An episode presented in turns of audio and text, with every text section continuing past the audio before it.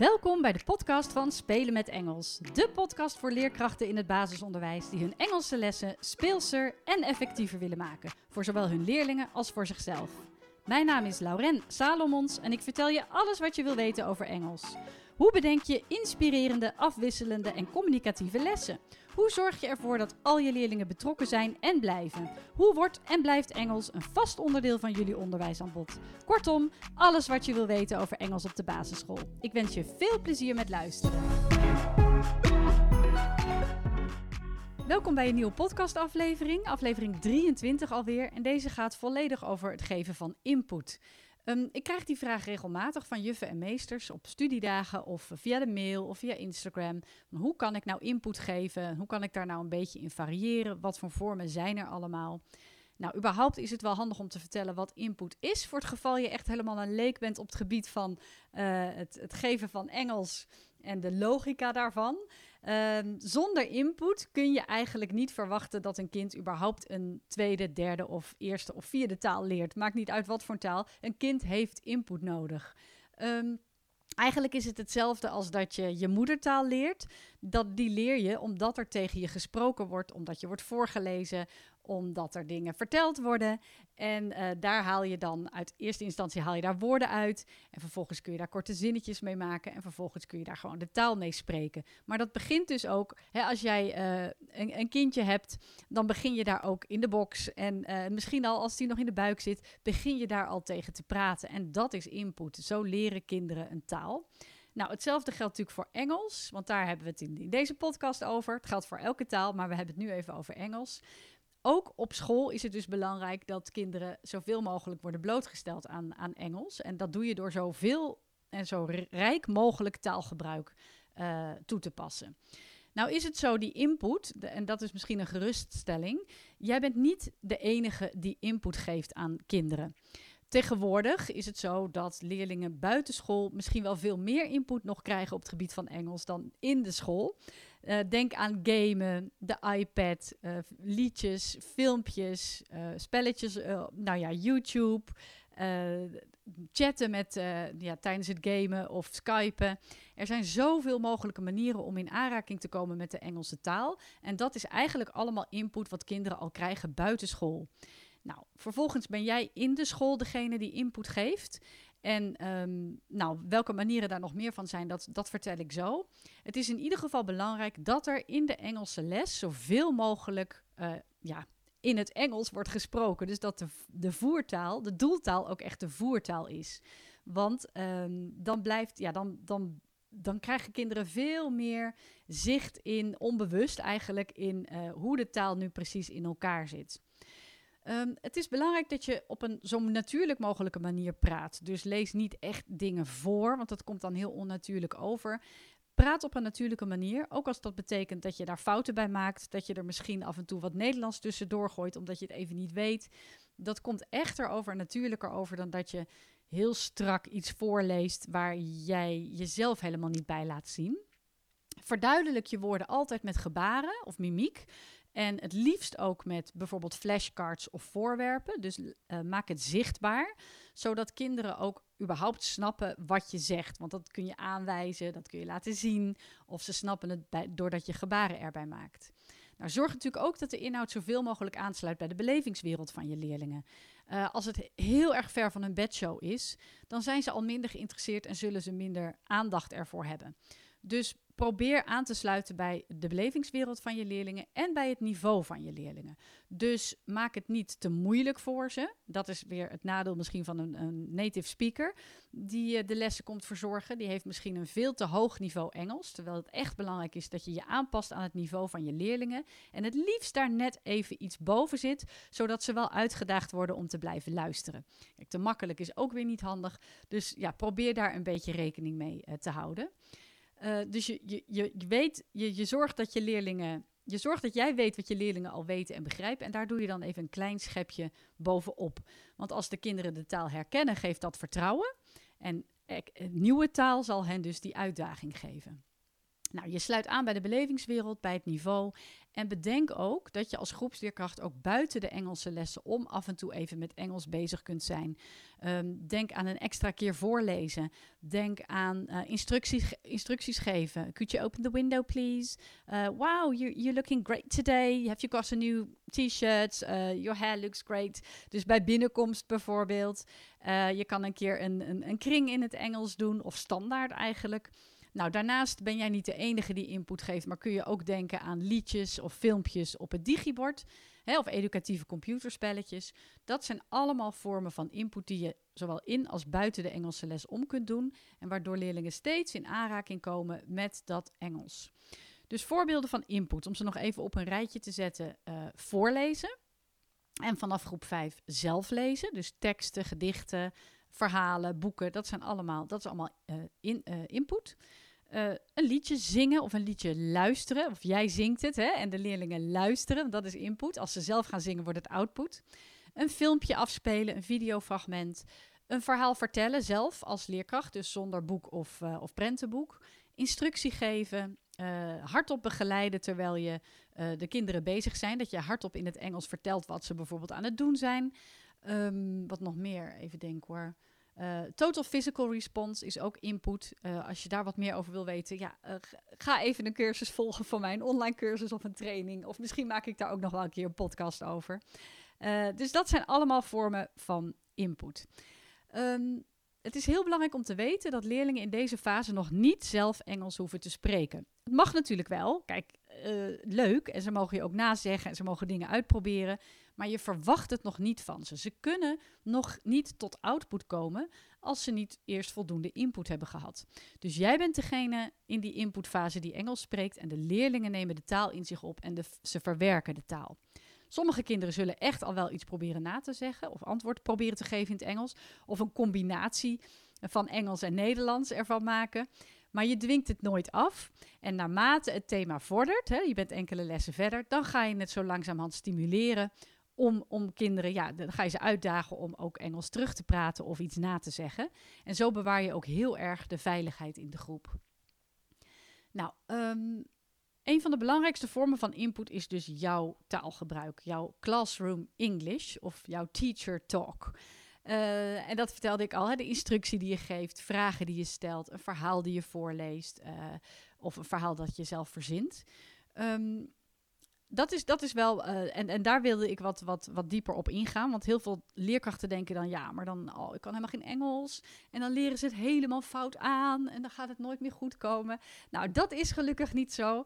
Um, want wat ik al eerder zei, jouw input is niet de enige input die kinderen krijgen. Uh, ze krijgen het ook van YouTube, uh, nou ja, apps op je telefoon, TikTok, televisieprogramma's, Netflix, chatten, gamen, noem maar op.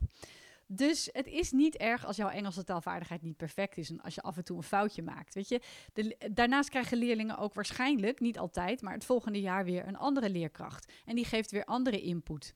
Um, kijk, als jij acht jaar lang een leerling Engels zou geven en jij maakt acht jaar lang dezelfde fout, dan gaan leerlingen die fout wel overnemen. Dus in zo'n geval, als je denkt, mm, ik blijf me echt onzeker voelen over mijn eigen taalvaardigheid, ja, dan zou ik je aanraden om daar eens een cursus in te gaan volgen, zodat je jezelf wel blijft te ontwikkelen. Maar goed, dus, dus het maakt niet zoveel uit als je af en toe een foutje maakt. Dat is oké, dat komt wel goed. Nou, vanaf groep 5 komt er, komt er dus het lezen bij, de leesteksten. En, um, en nou ja, dat kunnen boekjes zijn, kortere teksten, kan van alles zijn. Dat zijn die vormen van input. Nou, de juffen en meesters vragen vaak aan mij: hoe kan ik nu? Weet je, als ik niet die video heb en niet het liedje, en wat kan ik dan doen om die woorden te gaan aanleren, om input te geven? Nou, wat ik zelf heel veel doe, is uh, input geven met flashcards. En het liefst in de onderbouw met echte voorwerpen, dat is natuurlijk helemaal ideaal. Maar heb je dat niet, gebruik dan flashcards, visuele middelen, om nieuwe woorden te introduceren. Want zo voorkom je dat je uh, over moet schakelen op het Nederlands of dat je dus vertalend moet gaan lesgeven. Want je hebt het visueel bij je. Dus ze kunnen gelijk zien, hier is waar de juf of meester het over heeft, want daar is het plaatje. Um, hoe kun je dat doen? Nou, stel je voor dat je uh, bijvoorbeeld voor je inputfase een boek hebt gekozen, een prentenboek of een kort gedicht, of je hebt een filmpje gevonden op YouTube. Of je hebt gewoon uh, een methode, kan natuurlijk ook. En die hebben waarschijnlijk ook wel een inputtekst, een leestekst of een luisterfragment. Nou, dan kun je dat gewoon hop zo geven. En dat is dan handig, maar best wel een beetje saai. Dus wat je kunt doen is van de belangrijkste woorden uit zo'n tekst alvast flashcards maken. Dus heb je een liedje in de onderbouw bijvoorbeeld, of heb je een videofragment, een luistertekst. Ga die tekst nou eerst eens zelf luisteren en bedenk wat zijn nou de belangrijkste woorden die ik wil dat de kinderen gaan leren. En daar maak je dan flashcards van. Nou, die kun je natuurlijk kant en klaar bestellen op uh, www.spelenmetengels.nl. Even reclame maken voor mijn prachtige uh, teken tekeningen en, en flashcards. Maar je kunt ze natuurlijk ook zoeken op internet. Hè? Dat, dat kan natuurlijk ook prima. En um, dan kun je voordat je zo'n liedje gaat kijken of voordat je een, dat, dat videofragment gaat kijken, kun je bijvoorbeeld dus al met die flashcards aan de slag. We are going to listen to a song in a minute. And the song is, uh, nou ja, we're going to the jungle. Noem maar wat even. We're going to the jungle. What do you think? What kind of animals do you think we'll see in the jungle? What do you think um, you will hear in this song? Which animals could be in this song? En dan kun je, kunnen leerlingen gaan roepen hè, in het Nederlands of in het Engels wat ze willen. Ik denk wel dat er een leeuw in voorkomt. That's right, there might be a lion in there. Heb jij een plaatje van een leeuw, komt die daadwerkelijk erin voor, dan laat jij de flashcard zien en herhaal je het woord in het Engels. Dus op die manier maak je flashcards van de belangrijkste woorden uit zo'n liedje of verhaal. En uh, roepen leerlingen nou allemaal woorden die helemaal niet voorkomen in dat liedje of verhaal, prima, dan zeg je gewoon, oh, I don't have a card of that one, but maybe it will be in the song, we'll find out. En uiteindelijk benoem je dan ook de woorden die ze nog niet zelf hebben genoemd. Look, I've got here a picture of a tiger. I think there will be a tiger in the song.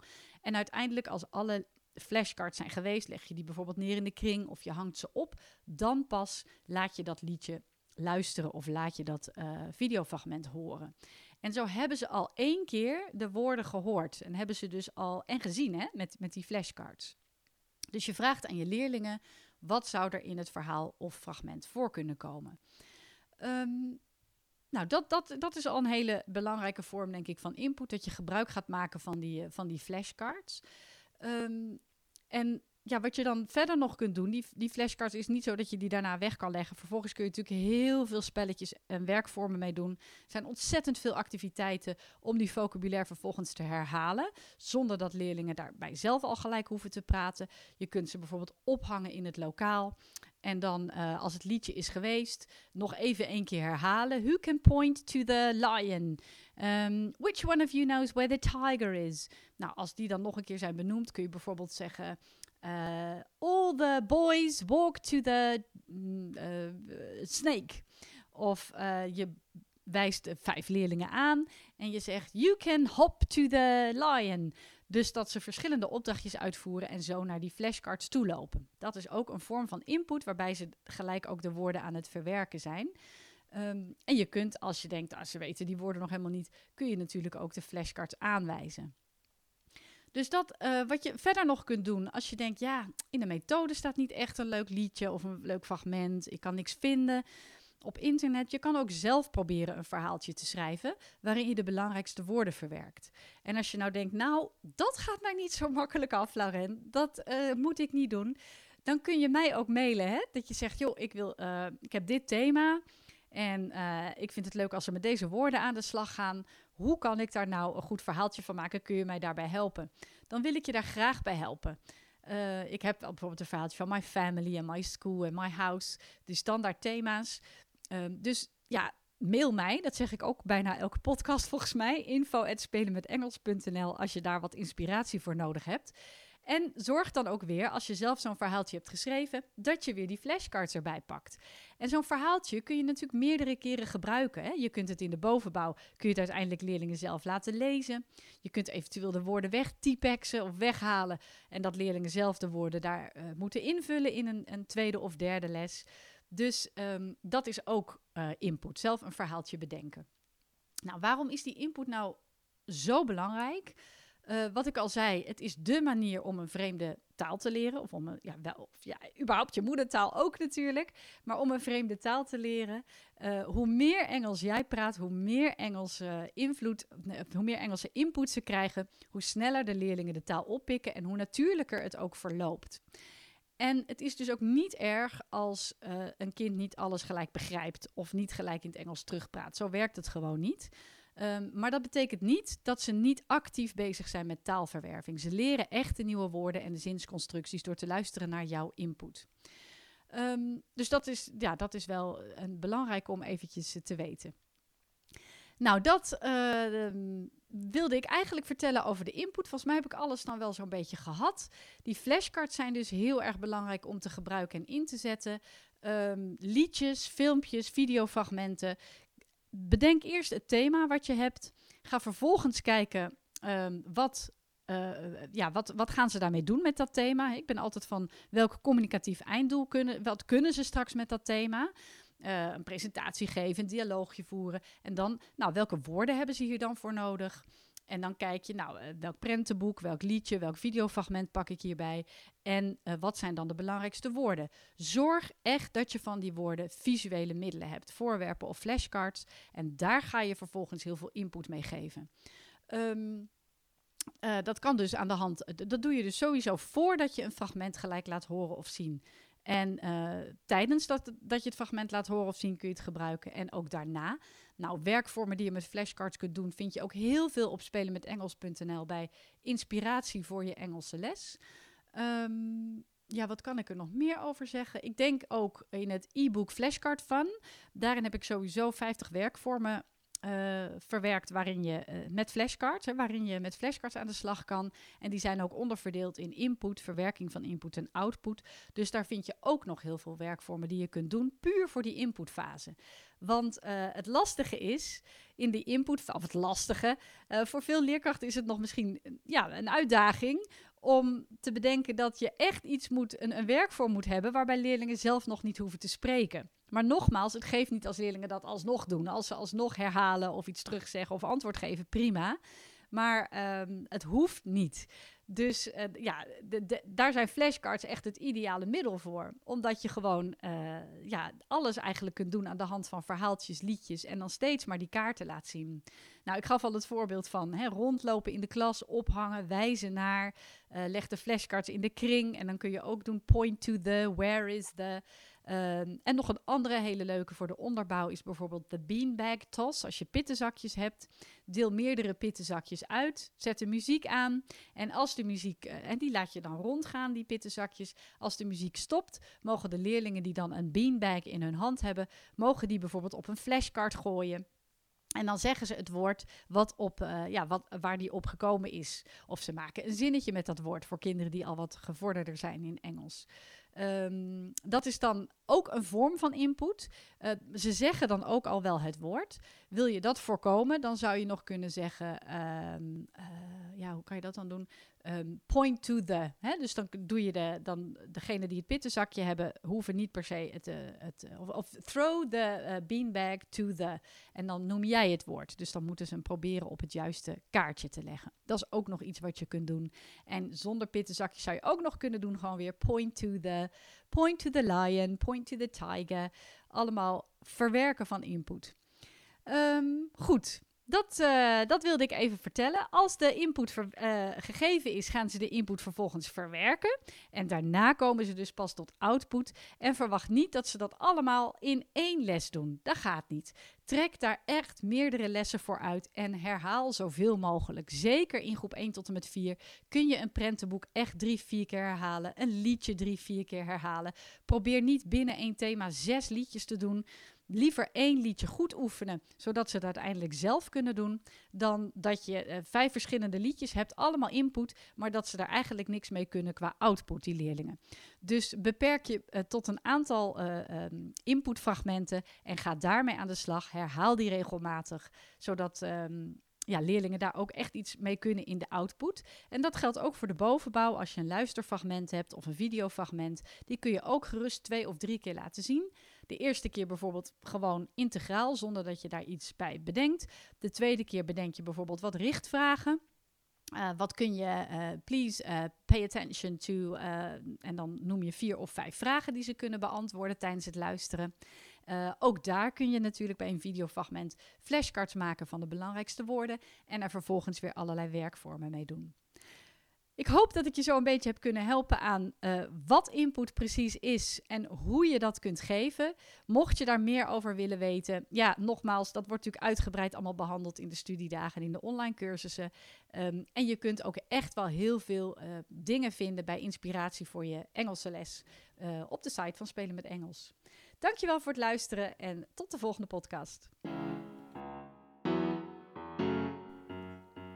Wat leuk dat je luisterde naar deze podcast. Heb je nog vragen? Bijvoorbeeld over het voorbereiden van een les, het uitvoeren van een werkvorm of over Engels bij jou op school? Of wil je misschien meer weten over de studiedagen, de online cursussen en het lesmateriaal dat Spelen met Engels verzorgt? Je kunt me altijd mailen op info@spelenmetengels.nl. En ook op de website, de Facebookpagina en het Instagram-account vind je enorm veel inspiratie. Het is mijn doel om alle leerkrachten in het basisonderwijs met plezier hun Engelse lessen te laten voorbereiden en te geven. Dus als je deze podcast zou willen delen met collega's of op social media, dan stel ik dat enorm op prijs. En vergeet dan niet spelen met Engels te taggen. Nogmaals bedankt voor het luisteren. Heel veel plezier met je Engelse lessen en tot een volgende keer.